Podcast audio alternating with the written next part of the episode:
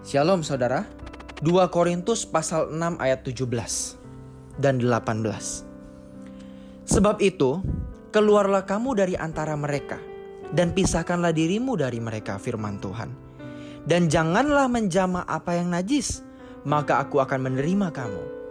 Ayat ke-18, dan aku akan menjadi bapamu dan kamu akan menjadi anak-anakku laki-laki dan anak-anakku perempuan. Demikianlah firman Tuhan yang maha kuasa. Saudara, Tuhan menerima kita apa adanya. Tetapi Tuhan tidak membiarkan kita tetap apa adanya. Ia ingin kita menjadi lebih baik dari hari ke hari. Tuhan ingin kita menjadi versi yang lebih baik dari hari ke hari. Sama seperti teknologi atau gadget yang kita miliki yang setiap kali kita update untuk lebih baik, untuk performan yang lebih cepat dan tanpa gangguan. Seperti itulah kehidupan kita. Kita selalu harus bersedia di-upgrade oleh Tuhan. Kita harus selalu bersedia melepaskan apa pun yang menjadi ikatan kita. Keterikatan kita hanya boleh kepada Tuhan. Yang ditunjukkan dengan kita tidak takut kehilangan apa pun dan siapa pun meskipun kita tidak merencanakan atau sengaja untuk melakukan sesuatu agar kita kehilangan semuanya. Namun ini bicara soal sikap hati. Ini sikap hati yang tidak bisa kelihatan oleh orang lain dan tidak bisa dihakimi oleh orang lain. Hanya kita sendiri dan Tuhan.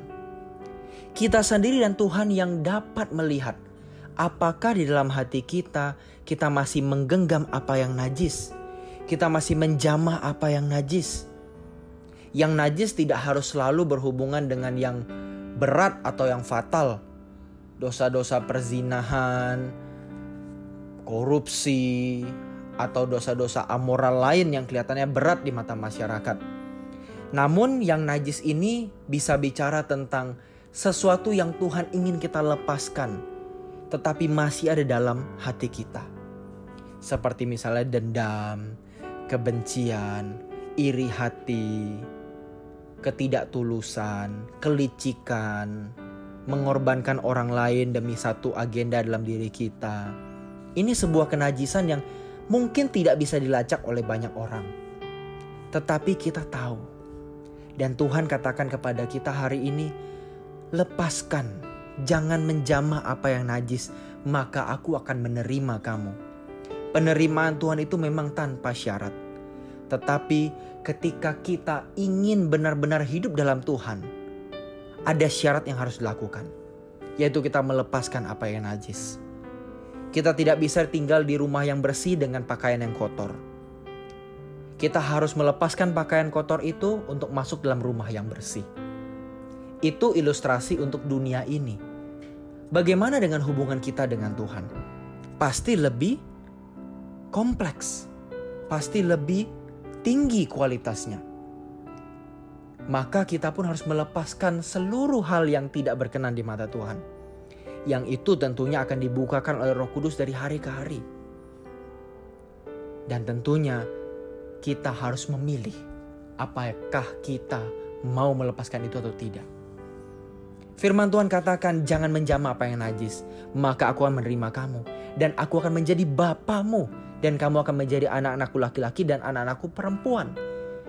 Setelah orang melepaskan segala sesuatu, termasuk apa yang najis yang tadi sudah saya sebutkan di awal, barulah kita bisa menjadi anak Allah. Jadi predikat anak Allah itu tidak mudah. Dan ini harus kita sama-sama gumuli termasuk saya sendiri.